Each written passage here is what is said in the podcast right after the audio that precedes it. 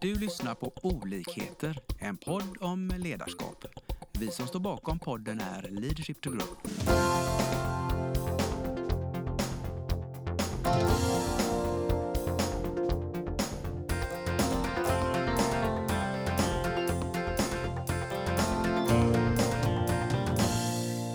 Hej och välkomna till dagens podd. Då har vi med oss ehm, Lena Engström. och så är det jag, Annika Nordén. Och Och Lars från Leadership to Grow allihopa. precis. Ja, och idag tänkte vi eh, resonera lite runt attityder. Och eh, Lars, om jag säger attitude is everything, vad tänker du då? Ja, då tänker jag faktiskt direkt på en av eh, våra nyckelpersoner som jag har jobbat med i ett program som efter då 13 månader när jag frågade henne om de här olika ledarskapskapitlerna, eh, vilket som var bäst. Och då sa hon, ja innan fattade jag inte det men nu när vi har hållit på här i 13 månader så, så tycker jag det viktigaste jag har lärt mig är hur bra det är att kunna arbeta med att utveckla sina och andras attityder. Spännande. Och det var ju väldigt spännande för mig för vi, vi talar ju om mycket andra saker i våra program som tidshantering, delegering, you name it. Men det var just attityder hon lyfte fram som en av de viktigaste verktygen inom ledarskap. Ja, och då kanske vi ska hjälpa våra lyssnare lite. Vad är egentligen attityd? Vi slänger oss ju mycket med det ordet, att eh, våra ungdomar har en bra attityd eller en tyken-attityd eller vad det nu är. Och vad är egentligen attityder och kan man förändra dem? Ja, det kan man ju givetvis då, men eh, det, det brukar vi faktiskt ha. Annika, när vi har våra öppna utbildningar också brukar vi fråga eh, våra deltagare där, kan man ändra en attityd eller kan man, är man som man är så att säga? Så det är ju lite olika hur folk svarar där. Eh, Men man kan ju det rent vetenskapligt och rent, det går att göra det. Men det- det krävs ju då en attityd för att ändra en attityd så att säga.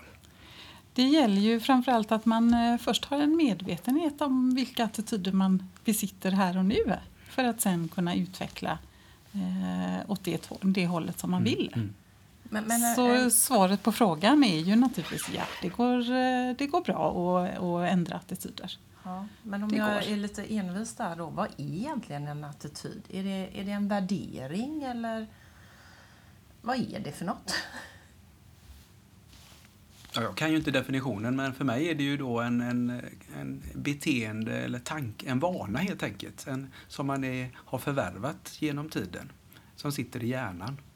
Ja, då är du inne på att det är en tankevana och vanor har vi ju fått lära oss att det kan man ju faktiskt eh, påverka och utveckla.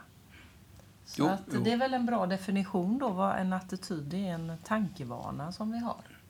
Och jag tycker ju personligen som är lite en eh, idrottsnörd då, jag tycker att de, mång, de som är bäst på att jobba med attityder på ett effektivt sätt och ett positivt sätt, det är, det är många gånger idrottare som gör, eh, lever sin, sin passion så att säga. Mm. Och där måste jag också få ge en liten sån passus om en, en kund jag hade för flera år sedan som vi jobbade just med, med hans attityd eh, runt, runt sin idrott. Eh, och även om inte vi jobbade med idrotten, för den hade han andra idrotts eh, eller tränare på. Men, eh, och, och då var det ju så att han hade ju redan sett sig själv och liksom ta den där OS-medaljen. Så när han kom på sitt första OS då och, och han inte lyckades med det så förstod han inte vad som hände. Han, kunde ju liksom, han, hade, han var ju redan där, han hade nästan plockat, eh, plockat ner liksom, eller fått eh, medaljen. Så det var ett, eh, ett litet jobbigt uppvaknande eh, som han fick där att han åkte hem från OS utan medalj. Fastän han i, i sitt huvud hela tiden då hade levt med att eh, ha den runt halsen. Där är du inne på något intressant Lena, det här med vad har vi för några verktyg då för att utveckla våra eh, Eh, beteenden och våra tankar. Eh, Precis. Nej, men vi kan väl slänga oss in då bara ta ett urval för att eh, eh, någonting som, som vi brukar jobba med väldigt mycket med våra adepter det är ju då affirmationer och visualiseringar som vi kan ta lite strax om. Eh, och en tredje är ju då mental träning. Så att, eh, vi kan väl fördjupa oss lite i dem. Vad ska vi börja med, tycker ni? Börja med visualisering, för det var ju den här eh, idrottspersonen som jag pratade om eller refererar till. Han eh, hade ju en eh, visualisering när han stod där och tog emot den här medaljen. Mm. Jo, så det är, ett, det är ett väldigt framgångsrikt koncept då när man målar upp en framtida situation som man, så den blir så stark så att den ja, i princip blir magnetisk. Och, eh, det handlar, jag tänker speciellt nu i OS-tider, eh, en av våra gamla OS-hjältar, Björn Ferry, hade ju också, när han fick sin medalj för väldigt länge sedan nu, men ni känner ju till Björn Ferry, det är lyssnarna tror jag ändå, för han är ju kommentator idag, men han hade ju det här loppet som han då vann eh, till slut, det hade han ju åkt mentalt in i huvudet eh, över hundra gånger. Och han hade då visualiserat på en väldigt detaljerad nivå allt till hur ryssen bredvid honom luktade svett till, till hur det skulle kännas när vinden blåste i håret och hur han skulle ha sin målgest också när han gick i mål. Allt det här hade han målat upp och gjort eh, repetitivt i sitt huvud hundra gånger. Så när han gjorde det då den, om det nu var hundra första gången, så, så då var det ju på riktigt. Mm. Men då var han redan liksom det var en väldigt stark magnetisk dröm kan man säga som, som visualiseringen blev för mm. honom. Mm. Om vi då kopplar det till företagande då så vet ju jag ett företag som eh, visualiserade si, sitt, eh, när de kom i mål med sitt årsmål redan i januari genom att eh, dela ut små medaljer till varandra för att man hade nått sin budget kommande år.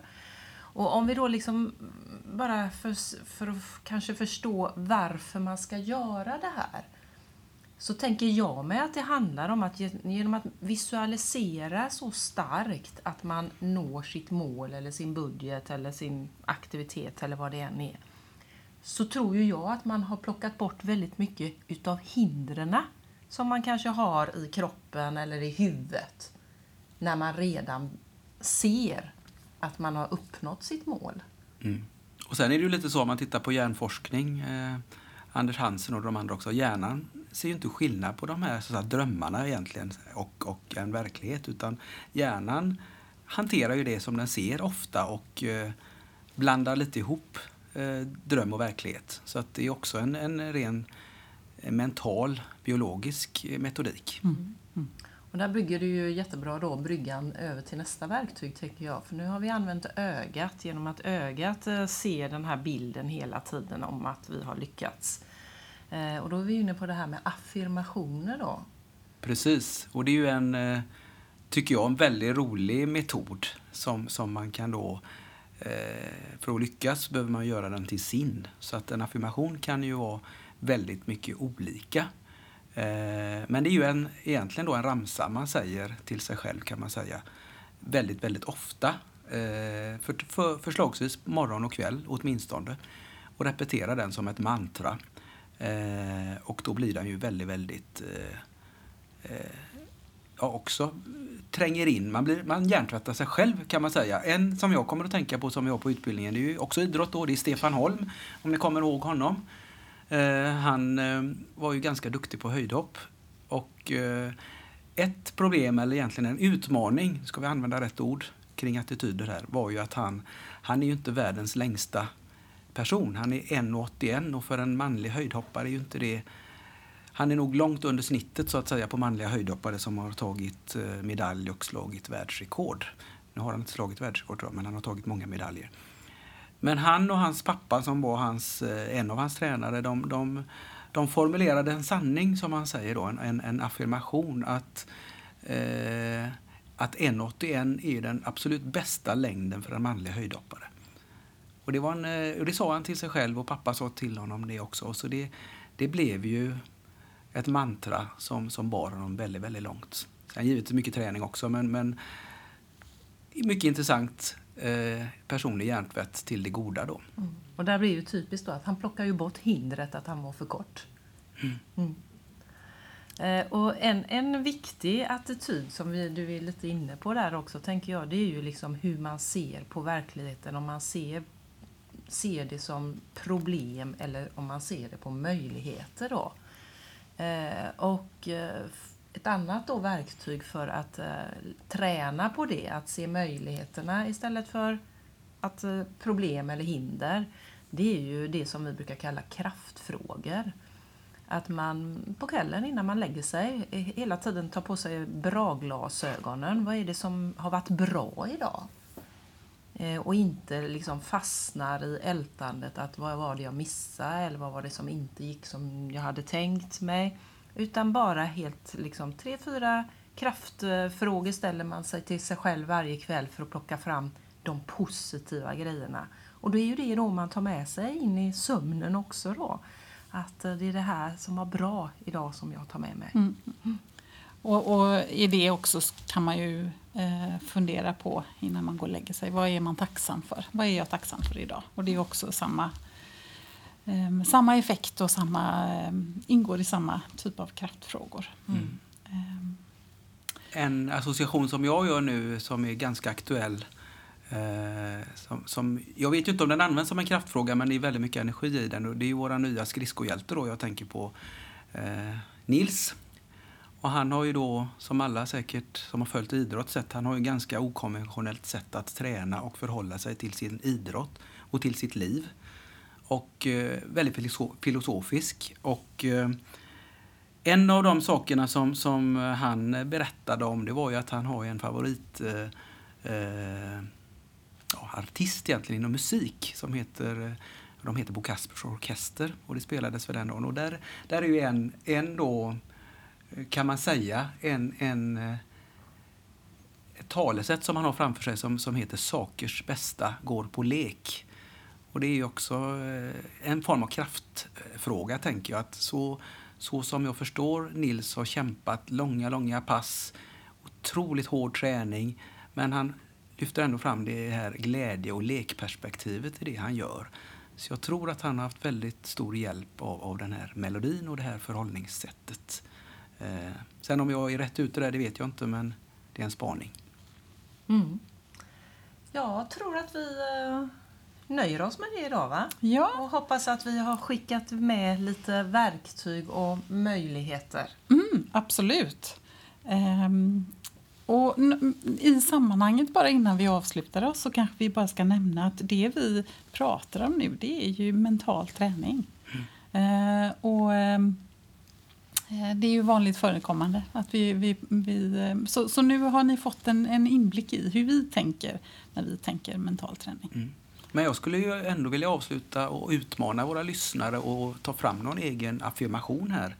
Vi har ju en liten eh, käpphäst eller hur man ska göra. Och då brukar vi prata om 3P.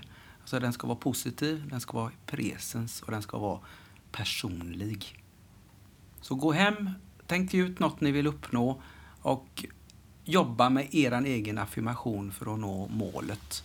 Sätt gärna upp den här affirmationen på badrumsspegeln kanske och kanske eran, som en notifiering i er eh, telefon. Lycka till! Tack för idag! Vi hoppas att vi har väckt tankar om hur du kan utveckla och stärka ditt personliga ledarskap. Följ oss gärna på våra sociala medier där vi heter Leadership to Grow. Om du vill ha mer inspiration och verktyg, gå in på vår hemsida leadershiptogrow.com. Tack för att du lyssnar.